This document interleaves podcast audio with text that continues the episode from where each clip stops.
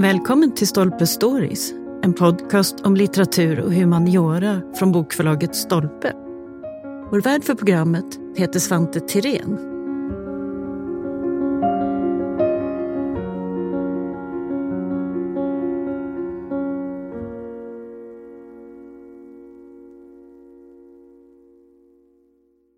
Rysslands anfallskrig har satt Ukraina i blixtbelysning för omvärlden. I de dagliga rapporterna om våld och förstörelse så framträder ett land med en lång och rik kulturhistoria som nu står under attack. Utöver det rent mänskliga lidandet så hotas ju även kulturlivet med arkiv, museer, teatrar och väldigt mycket annat. Därför kommer bokförlaget Stolpe ge ut flera böcker som handlar om Ukrainas historia med start 2023. Men vad vet vi här i Sverige egentligen om just Ukrainas historia och kulturliv? Och vad borde vi lära oss av den tragedi som pågår just nu? Det ska vi fråga Stefan Ingvarsson som är kulturskribent och analytiker vid Centrum för Östeuropas studier. Välkommen! Tack så mycket!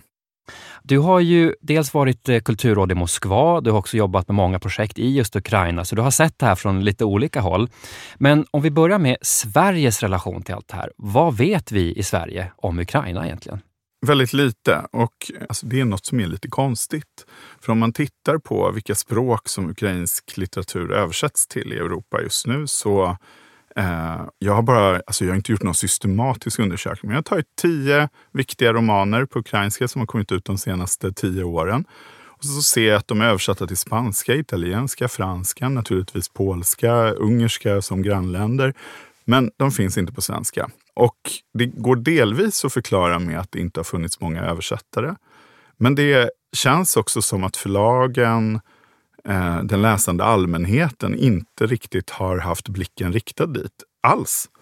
Och eh, jag brukar säga att vi har varit lite oförberedda på att stötta Ukraina under det här kriget. Just därför att vi vet så lite. Och just därför att vi inte tidigare satsat på att skapa personliga kontakter mellan konstnärer, författare, vårt kulturliv men också våran offentlighet. Och det står i bjärt kontrast till hur mycket utvecklingsstöd som vi genom vårt svenska bistånd har gett till Ukraina de senaste, det senaste decenniet. Där, som är stort. Ja, där Ukraina har varit en av de största mottagarna av svenskt bistånd. Men vi har någon sorts konstig tanke om att vi liksom ger utan att bygga en relation. Och det är någonting som jag verkligen tänker väldigt mycket på nu. För nu när behovet av hjälp från vår sida har blivit akut så ställer jag mig ännu mer frågan, hur mycket vi, alltså, på vilka grunder hjälper vi när vi inte känner varandra i en stor utsträckning? Och där tycker jag att vi har varit mycket bättre på att bygga en relation med Belarus till exempel. Och det var också så tydligt att när det folket, det samhället reste sig efter ännu ett förfalskat val och sen repressionen som kom efter det, då var Sverige väldigt snabbt på mm, och mycket att reagera. Då. Och det fanns ja. väldigt mycket, man kunde se att det fanns på Eh, lokal nivå. Det fanns föreningar över hela Sverige, det fanns kommuner, det fanns individer som hade egna kontakter i Belarus som snabbt kunde berätta vad som händer, aktivera olika, ja, men olika hjälpaktioner. Men man pratar ibland om det här också just att för Sveriges del, vi har väldigt starka kulturella band till då, alltså Västeuropa. Tyskland, Frankrike, Spanien och så vidare. Och så är det något med Östeuropa där det bara inte finns en naturlig relation. Varför är det så här? Men jag tänker också att jag menar, den förra gången innan eh, 89, början av 90-talet då nya demokratier införlivades i någon sorts europeisk gemenskap så var ju det destinationer som svensk charterturism riktades mot. Så när Spanien, och Portugal och Grekland blev demokratier så fick de så att säga skjutsen av att svenskar kom dit som turister och därför så inleddes massor med band. Folk blev förälskade, startade mm. företag, blev förälskade i Grekland eller Spanien, lärde sig språket och så vidare. Och så vidare. Medan när det gäller Ukraina så har vi inte riktigt haft den där Trots att eh, jag menar, Lviv, eh, som vi ska prata mer om sen, är en fantastisk eh, weekendstad. Mm. Den dag det blir fred igen i Ukraina hoppas jag att fler åker dit och upptäcker denna kulturpärla. Men också för att det behövs en upptrampad stig. Och därför är det kanske viktigt att man ibland startar lite program som ger en liten skjuts. Och desto viktigare att bygga just de kulturella banden Ja, förstås. Så vad det handlar om här, det är egentligen att de länder som blir så att säga europeiska demokratier, de ingår mycket mer naturligt i den här gemenskapen, medan de som står utanför, där blir det också ett, ett kulturellt eh, avstånd. Det är absolut så. Och sen finns det ju en annan aspekt av det hela och det är att vi har väldigt många personer som översätter och förmedlar rysk kultur i Sverige. Och den äldre generationen som nu tyvärr håller på att gå bort, för dem var det ju ett Sovjetunionen och där var ju Kiev bara en av storstäderna, den tredje storstaden i Sovjetunionen som de flesta besökte. Men det har alltid funnits ett underskott på kunskap specifikt om Ukraina och kunskap i det ukrainska språket. Och det är mycket för att man har klarat sig med ryska, men också för att svenskar, många svenskar som har jobbat med Ryssland och Sovjetunionen har liksom anammat ett Moskva-perspektiv på Sovjetunionen. Där man också sett Ukraina ungefär på det sättet som Ukraina tilläts vara på Sovjettiden. Det vill säga någonting som är lite bonnigt, kopplat till folkdräkter. Men lite som vi ser på Siljansbygden. Ja. Eh, det är lite härligt. med- Sovjets Dalarna. Ja, det är lite härligt med att de har talar lite annorlunda, men det är ju egentligen eh, en dialekt. Eller det är egentligen bara en av, lokal avvik, eller det handlar egentligen bara om en bondkultur. Och de har sina skördefester och de har sin folklor och det är musiken. Och, och det är lite så man hela tiden har betraktat Ukraina även från svenskt perspektiv. Så även när det har funnits kontakter och uppmärksamhet kring Ukraina så har det ofta varit det ryska narrativet som har styrt bilden av det. Det ryska narrativet eller, eller att man har betraktat det lite som en, just som en, en del av en, en större rysk värld och inte som en europeisk nation i egen rätt. Och idag, jag menar, jag har varit frustrerad ända sedan eh, annekteringen av Krim och den här aggressionen började 2014. Så jag har känt en frustration över så många svenskar som säger men, men många i Ukraina talar ju ändå ryska och de är ju ändå en del av en liksom, postsovjetisk kultur. Det finns ju inte så stora skillnader mellan dem. Och det här är någonting som vi inte hade sagt om irländare. Mm. Och jag brukar ofta använda Irland som ett exempel, för det är ingen som skulle säga att James Joyce är en, en engelsk författare. Ja, just det. Han är en irländsk författare. Han skriver på engelska. Han eh, är en, absolut en del av liksom engelsk litteraturundervisning över hela världen. Men han är en irländare. Och vi vet också att det finns andra komplicerade biografier som Oscar Wilde, som på många sätt är liksom rotad på Irland, men som bestämmer sig att, så att säga, vinna och övervinna och göra en karriär i London. Men som alltid behåller något irländskt i sig. Och vi skulle aldrig säga att Oscar Wilde är engelsman eller förknippa honom med England, utan det är ju det här, det är det irländska som gör att han hela tiden kan dissekera normerna och eliterna i London och se dem lite från sidan. Och det är med den liksom irländska humorn och blicken som han klär av dem. Och det, det är det här som jag tror många inte har fattat. Att jag menar, man kan i ett stort imperium som ett land har tillhört röra sig fritt i Sankt Petersburg och Moskva och i den ryska kulturen och göra karriär som ryskspråkig författare som Gogol eller Tjechov. Men ändå vara rotad i det Ukraina som man kommer ifrån. Och ofta skriva om det Ukraina som man kommer ifrån. Men betyder det då att den här okunskapen som vi uppenbarligen har, den är ju också en bra möjlighet till att dra lite lärdomar här, va? över att det är ju den som gör att, vi, att det blir en blind fläck, att vi faktiskt missar väldigt många viktiga saker. Ja, och vi missar att ytterst så handlar det här med vad man tillhör för gemenskap också känslor. Och en av de sakerna jag verkligen har med mig från att ha bott och arbetat i Ryssland i fem år och verkligen jobbat över hela landet och i många regioner utanför Moskva är att ryssar själva känner en viss vanmakt inför storleken på det här landet och storleken på de utmaningar som finns. Jag kan se hur även ryssar gärna identifierar sig med det lokala. Och man kan också se hur belarusier som kanske i ännu större utsträckning delar språk och vissa kulturella föreställningar med majoritetsryssar, liksom med ryssar i Ryssland, också har en stark känsla av att de är belarusier.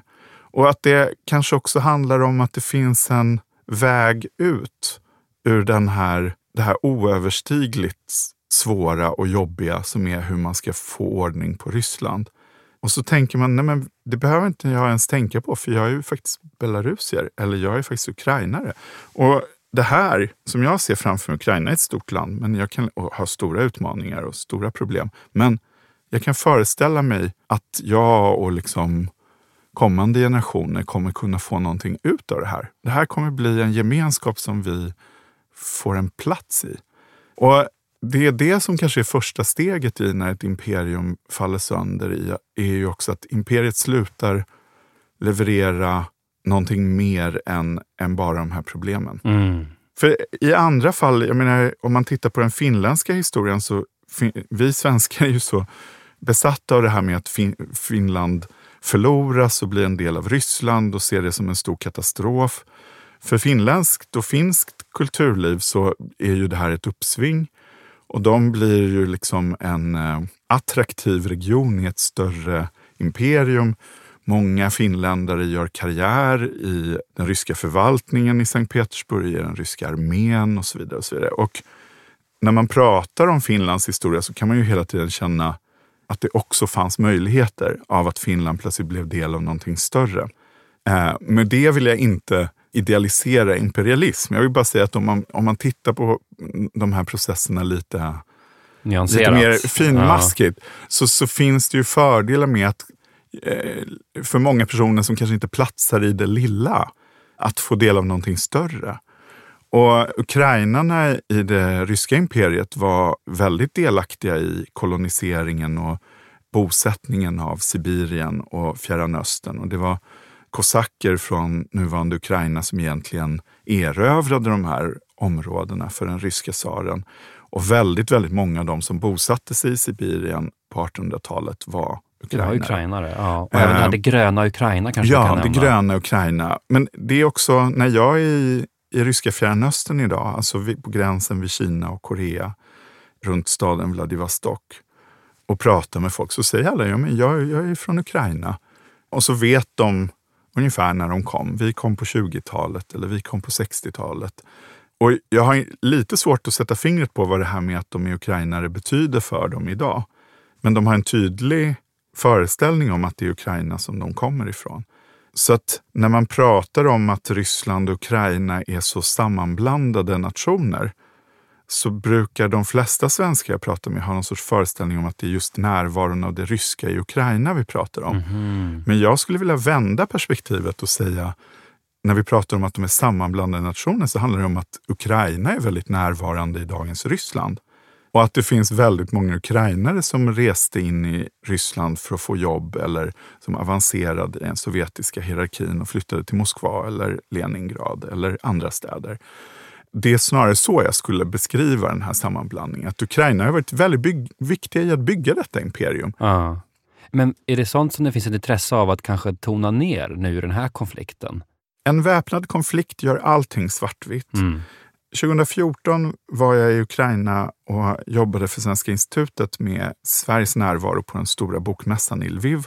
Och vi satte ihop ett seminarieprogram med svenska, ukrainska och andra utländska författare. Och då passade jag på att för Expressens räkning intervjua ukrainare om ukrainska författare just om hur man ska förstå det här landet. Är det splittrat i, i olika halvor? Finns det en stor skillnad mellan rysktalande och ukrainsktalande, mellan det östra och det västra Ukraina? Och de betonade just att vi, jag menar det, det här är det här är ett land som är väldigt mångfacetterat och det rysk majoritet, alltså en stad som Harkiv som de flesta talar ryska i och en stad som Odessa som de flesta talar ryska i är vitt skilda städer och har mindre kanske gemensamt med varandra än någon stad som skulle vara ukrainsktalande men liknar Harkiv mer i, eh, som Lviv till exempel, en annan universitetsstad och kulturstad och så vidare. Medan Odessa med sin, den hamnstad som Odessa är, och den judiska historia som Odessa framförallt präglas av och den smältdegel som Odessa är och hur Odessa på olika sätt alltid har blickat söderut mot Turkiet, mot Medelhavet gör dem till helt olika städer. Så att just det här, sluta att tänka i banor om att det finns liksom en ukrainsktalande halva, en ryskspråkig halva. Det där har ju också kriget visat är helt irrelevant. Mm. En ukrainare är en ukrainare. Det är de som känner att det här är min gemenskap. Och det är väl en påminnelse om att varken språk eller geografi är så en garant för de här gemenskaperna, eller hur? Nej. Att det är mycket mera och nu kom jag på vad, vad det var, för just jag pratade med en av författarna, Jurij Androchovich, en av de många framstående ukrainska författare som inte finns översatta till svenska, men mm. till nästan alla andra europeiska språk. Och han sa att det är svårt att skriva prosa när det är krig. Därför att en roman förutsätter att man kan sätta sig in i, i alla. Och jag kan inte sätta mig in i min motståndare just nu. Därför att ett krig gör allting svartvitt. Och vi kan inte förvänta oss just nu av ukrainarna att de ska försöka nyansera någonting när det, när det faktiskt är ett krig som handlar om deras överlevnad som mm. samhälle, som språk, som kultur. Det vi däremot kan försöka göra, det är ju att försöka behålla olika perspektiv. Och med det inte ursäkta någonting av den ryska aggressionen eller av de idéer som ligger bakom den. Som du säger, där befinner man sig mitt i stormens öga, mitt i den här fruktansvärda tragedin.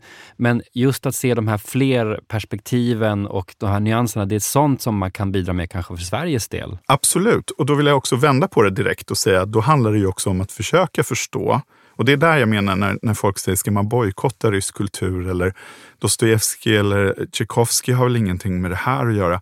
Nej, men vi kanske också måste lära oss någonting nu och pausa lite de invanda hjulspåren och tänka sig om vi lyfter rysk kultur nu, vad är det för rysk kultur vi lyfter?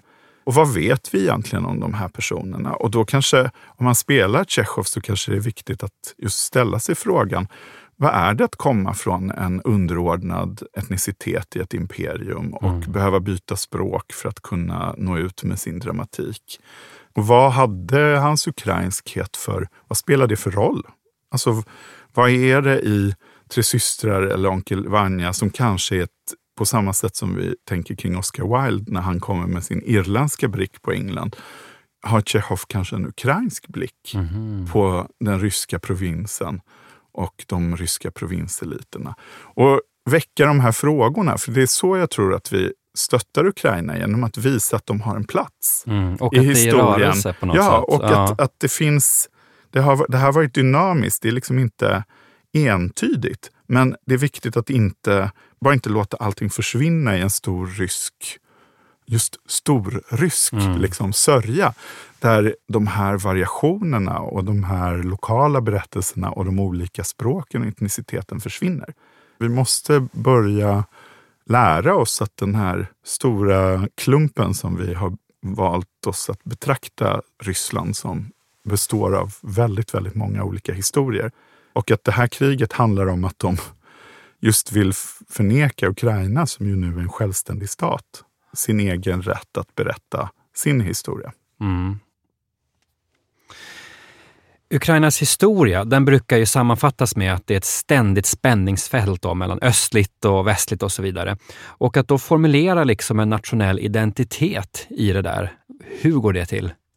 Det gör man genom sin egen självidentifikation. Och jag tror att det här är, eh, alltså det är så konstiga föreställningar som kommer fram när vi i ett ganska modernt svenskt samhälle plötsligt ställer krav på att ukrainarna eller liksom när det finns röster i Sverige som säger, men är de egentligen en egen nation? Och tänker att det skulle finnas något annat kriterium än vad de själva känner. Mm. Och det, för jag menar, alla nationalstater är ju egentligen väldigt brokiga. Och vad har egentligen invånarna i, i Provence eh, gemensamt med invånarna i Normandie? Det är liksom väldigt olika sorters fransmän, men vi ställer oss aldrig... Vi ifrågasätter inte Frankrike som en enhet eller eh, som ett enhetligt samhälle. Och variationen är jättestor i Ukraina och ja, den är större än den har varit i i nationalstater som har utplånat dialekter och regionala skillnader i 200 år, sedan 1800-talets början, som många andra länder har gjort, som Frankrike. Och därför så är ju Ukraina en yngre stat, mer brokig och kanske också ett exempel på hur brokig en stat kan få vara. Där den enda frågan om vem som är ukrainare går eller frågan om vem som är en ukrainare bara kan besvaras med att det är den som känner sig som en ukrainare. Stämmer det här man pratar om nu om att den här konflikten liksom svetsar samman den ukrainska identiteten ännu mer? Men självklart. Om någon tidigare känt att jag är en modern europé och kanske inte ens behöver ställa mig frågan om jag är ukrainare eller inte. Jag är från Ukraina, men det kanske inte... Så när du ställs inför frågan, är jag beredd att göra jättestora uppoffringar, kanske till och med riskera mitt eget liv för att försvara det här samhället? Det är klart att då har man ju ställt sig den svåraste frågan. Hur viktigt är det här för mig? Och det är ju det vi ser ukrainare har gjort. De har ställt sig frågan, hur, hur viktigt är det här för mig? Och svaret har blivit väldigt viktigt. Mm. I Sverige så är det väl också så att stora delar av vår befolkning har ju ingen erfarenhet av ett krigstrauma eller en sån här händelse som liksom får den här så att säga, enande funktionen på något sätt. Är det också någonting som skapar det här gapet mellan oss och förstå ett sånt land som Ukraina? Det är klart det gör. Och svenskar kan ibland just inte veta riktigt hur man ska närma sig de här frågorna. Hos oss är ju nationalism så entydigt förknippat med någonting som vill utesluta. Det, nationalism förknippas med partier eller riktningar i det svenska samhället som på olika sätt vill eh, definiera bort vissa grupper ur samhället. Medan i Ukraina så handlar nationalism snarare om att få vara, få existera. Så ja, vi har diametralt olika syn på det här och många svenskar reagerar på flaggviftande och nationella symboler och så vidare. Och det har ju också varit någon sorts föreställning om att Ukraina skulle vara mer högerextremt än, än andra samhällen. Det, det är klart det finns högerextrema i, i Ukraina och det finns många sådana obehagliga tendenser, men inte i någon större utsträckning än eh, i Ryssland eller i Polen eller i, i, Frankrike för den delen. Så att, jag menar, det är en del av vår europeiska samtid att den här typen av idéer idag också får gehör hos vissa grupper. Men det är inget som präglar Ukraina. Mm. En av böckerna som kommer att översätta till svenska då, det är ju Dilemmat i Kiev av den tyske historikern Karl Schlögel. Och den handlar ju förstås bland annat om det här spända förhållandet till Ryssland, men också mycket annat. Men just det här med att Ukrainas självbild styrs så mycket utifrån det här med en relation till någonting ryskt, så att säga. Det är väl där någonstans det här slår lite bakut, va? Alltså att det blir en så svartvit, eh, att det hela tiden är det som definierar det här, eller hur ska man så jag brukar säga att Ukraina är koloniserat lite från alla håll. För att jag menar, Ukraina har en, ett eh, postkolonialt förhållande till Polen, ett postkolonialt förhållande till Ryssland och delvis till Turkiet. Vi vet ju, det är också en del som vi inte riktigt känner till i Sverige. Eh, hur stor del av den osmanska slavhandeln som egentligen handlade om att eh, krimtatarerna gjorde räder in i Ukraina och det här är ett ämne som historiker tittar på väldigt mycket just nu, men det rör sig om miljoner människor som togs från alltså, slaviska slavar från Ukraina som mm. via Krim eh, skjutsades ner till framförallt Istanbul och såldes på slavmarknader sen över hela Osmanska riket. Och därför så är det lite som att alla, både väst i form av Polen, Österrike, Ungern, Ryssland som aggressorn, men också Turkiet som också spelar en viktig roll i den här konflikten. Alla de här länderna är ju forna imperier mm. som på olika sätt har lagt beslag på ukrainsk arbetskraft eller ukrainska liv eller ukrainsk mark. Så det finns så mycket historia att skriva om det här. Mm. Både på en makronivå ja. för att förstå hur Ukraina har varit en del av den koloniala historien över hela jordklotet. Med det osmanska slaveriet, med priserna på vete och andra jordbruksprodukter och hur det har påverkat. Men också att gå ner just på olika platser som i er utgivning. Att man går ner på en plats eller en viss tid och försöker förstå också vad det här landet var och är. Var, varför det därför också är det det är idag. Ja, för en annan bok som kommer då i den här serien, det är ju Lutz Klevmans Lviv, Europas mitt. Och Lviv, det kommer ju också mycket fram nu i nyheterna. Där är det ju mindre av så att säga, väpnad konflikt, men man märker ju att det här är en otroligt viktig del i Ukrainas historia. Den är också Ukrainas eh, formellt då, eh, kulturella huvudstad. Varför har just Lviv blivit en så viktig punkt i det här? Lviv är en, eh, är en väldigt speciell stad som växer upp i, i korsning av viktiga handelsleder och därför alltid har präglats av många religioner och många språk. Och jag brukar säga att jag menar, på torget i Lviv så har du en latinsk katedral, det vill säga en katolsk. Med ett stenkast bort så har du en armensk katedral. Liten bit utanför Gamla stan så har du den grekisk-ortodoxa alltså den, den, ukrainsk, eh, den ukrainska ortodoxa katedralen. Det har också alltid funnits tatarer och andra minoriteter i Lviv. Och den här stan har ju bytt befolkning och varit utsatt för nationalistiska försök att göra den enhetlig under 1800-1900-talet på olika sätt. Och tyvärr blivit väldigt enhetlig idag. Men, liksom, men, men den behåller spår av alla dessa kulturer. Jag vill bara ah, någonstans, okay. jag kanske gör några nedslag för det är en för komplicerad historia. Men är det lite som Wien, jag tänker som ju också var en huvudstad i ett enormt, enormt imperium och så otroligt eh, ja, men, mångfalden av olika kulturer och grupper och så vidare. Eh, och idag finns arkitekturen kvar, mm. men kanske dynamiken i staden inte så som men, den var. Men lite, precis, men lite tvärt, eftersom Wien är liksom imperiets centrum och Lviv är ett av det habsburgska imperiets viktiga regionala huvudstäder och det är en stad som redan från sitt grundande låg liksom på gränsen mellan det ukrainska och det polska. Så det har alltid påverkats av båda hållen. Men i och med att Polen expanderar österut så blir staden mer och mer polsk. Och I och med att det polsk-litauiska samväldet går under på 1700-talet och delas upp mellan sina grannländer så tillfaller den här delen Österrike-Ungern. Och Lviv har alltid en polsk-ukrainsk prägel men blir en del av österrikiska Habsburgimperiet. Och I början av 1800-talet så försöker kejsarmakten i Wien att förtyska stan mm -hmm. och uppmuntra tyskspråkig inflyttning och inflyttning av tyskspråkiga tjecker. Det har ju ett tyskt eh, gammalt namn också. Ja, det kallas för Lemberg under den här tiden. Och det väcker stort motstånd. Och under den så kallade Folkens vår 1848 när väldigt många olika folkslag som inte har egna nationalstater i Europa får ett nationellt uppvaknande. Och det drabbar ju framförallt Österrike-Ungern väldigt mycket. Så gör man ett uppror mot det här och återigen får man undervisa på polska och ukrainska i Lviv. Men sen under första världskriget när hela imperiet kollapsar så utropar ukrainarna en självständig republik runt Lviv som är ukrainsk. Men staden har en majoritetsbefolkning som talar polska, som gör uppror mot detta. Polska armén kommer, lägger sig undan den här stan och Lviv som jag menar, i 300-400 år nu har varit en huvudsak polsktalande stad, men har också alltid haft en stor judisk befolkning inordnas då i ett nyuppståndet polskt rike där polacker då försöker trycka tillbaka det ukrainska.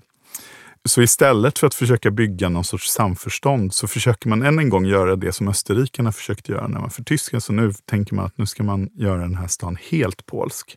Och det får ju konsekvensen av att efter andra världskriget och alla turer med nazisternas ockupation av staden, Sovjetunionens ockupation av staden så vidare. När staden införlivas i den sovjetiska republiken Ukraina, då fördrivs alla polacker. Judarna har redan mördats av nazisterna under andra världskriget och alla polacker fördrivs till Polen. Och de som flyttar in i Lviv är i huvudsak människor som har bott i småstäder runt Lviv, ukrainare. Och därför så blir Lviv kanske den mest ukrainska av alla städer. Den har aldrig varit en del av Ryssland, den var aldrig en del av det ryska imperiet, utan den var alltid en del av Polen eller Österrike-Ungern. Den är liksom så att säga en del av Centraleuropa, har en centraleuropeisk prägel. En otroligt vacker stad med otroligt vacker arkitektur. Och med en helt ukrainsktalande befolkning så blir det blueprinten för en ukrainsk stad som inte har påverkats av rysk inflyttning eller av det ryska språket. Så att det som händer är att denna multikulturella stad med så många olika, som har varit så viktig för så många olika grupper vad gäller kultur och religion. Den blir den viktigaste ukrainska staden. Mm. Om vi riktar blicken framåt istället, alltså allt det här som nu pågår, kommer Ukraina bli tydligare för oss? Kommer vi från och med nu ha bättre förståelse eller fler kontakter med Ukraina? Det hoppas jag verkligen. Och eh, det, jag, känner just nu, när många frågar vad kan man göra för Ukraina? Och det är mycket man kan göra i form av att hjälpa ukrainska flyktingar, i form av att ge pengar till olika insamlingar för Ukraina. Men jag tänker, det jag brukar säga är framförallt läs en bok. För att Putin räknar med att vi är okunniga om Ukraina och därför kommer nå någon sorts gräns i hur mycket vi är beredda att eh, kompromissa med vår egen levnadsstandard och, och andra hänsyn för att stötta Ukraina. Och jag tänker att det bästa vi kan göra för att stötta Ukraina är att lära oss någonting och känna ett band till dem. Mm. Men läs en bok. Läs en bok. Det är en bra startpunkt. Krig med alla sina fasor för ju med sig alla möjliga typer av kaos, inte minst i informationsflöden. Och nu förstår vi ju att det här är en otroligt komplex historia som vi även här i Sverige då har ett väldigt problematiskt förhållande till. och så. Men om vi tittar på det man berättar om nu, finns det några myter eller tendenser till missuppfattningar eller annat som du tycker vi borde vara särskilt liksom medvetna om nu när det här är så intensivt? Ja, men just de här gamla föreställningen om att landet skulle vara splittrat och att eh, den östliga halvan av Ukraina på något sätt skulle vara egentligen i praktiken Ryssland. Vilket varken var fallet när man hade folkomröstningar på 90-talet då alla delar av Ukraina röstade för att vara i Ukraina. Men där stödet för att vara kvar i Ukraina var som lägst just på Krim. Krim är lite speciellt. Men även det vi kallar för Donbass röstade för att vara i Ukraina. Och nu ser vi att stödet för alltså, hur folk tänker kring sitt eget land, om man vill vara en del av Ukraina. Och mycket av de här konflikterna var någonting som vi såg ut, eller liksom, ja, just en sorts, jag vill inte säga desinformation, men en sorts vanföreställning eller förenkling som var i omlopp. Sen tycker jag också att det är viktigt för alla som är intresserade av kultur att just inte... Just, just nu om du går in på TikTok eller liksom på sociala medier eller någonting så ser man också att ukrainskhet ofta uttrycks med folkdräkter och de här sångerna som anspelar på folkmusik som nu har blivit ett sätt att liksom... Blomstermåleri. ja, ja, och liksom ja. Att, att samlas kring. Och jag vill någonstans slå hål på detta, för det här är också en kliché, just en sovjetisk kliché, att ukrainskhet bara handlar om folklor och någonting en bykultur och någonting som är liksom, mm. Eh, Bondromantik. bondromantiskt. Ukraina är ett väldigt modernt samhälle och Kiev och Lviv och Charkiv och dessa är städer med otroligt modern internationell kultur. Och jag vill inte att de ska liksom pressas in i någon sorts folla av vad som är ukrainskhet.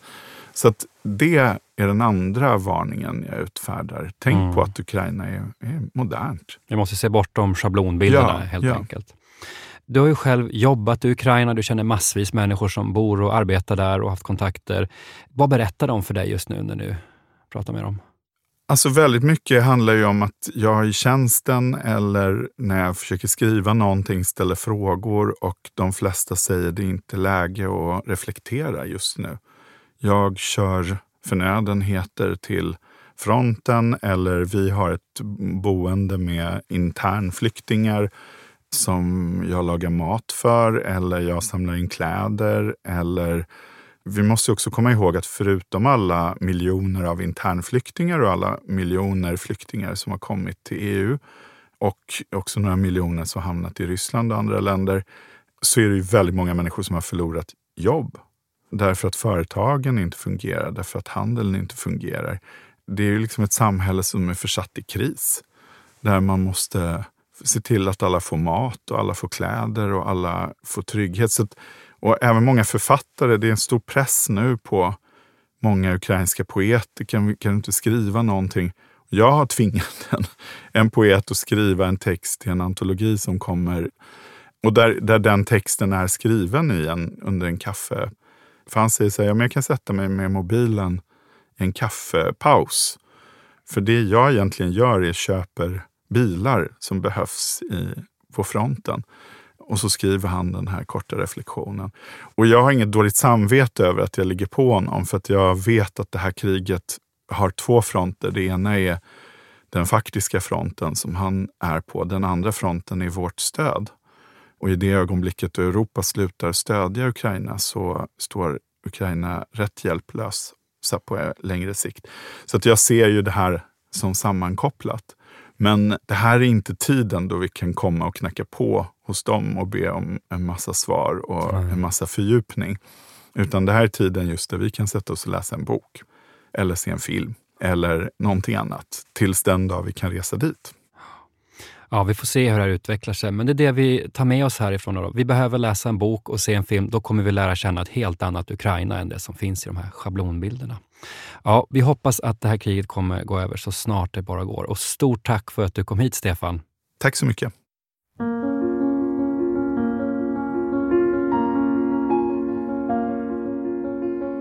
Tack för att du har lyssnat på Stolpe Stories.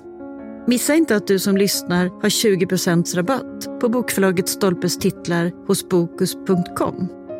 Aktivera rabatten genom att ange koden STOLPE20. Och för att lyssna på fler avsnitt, följ oss där poddar finns och på sociala medier.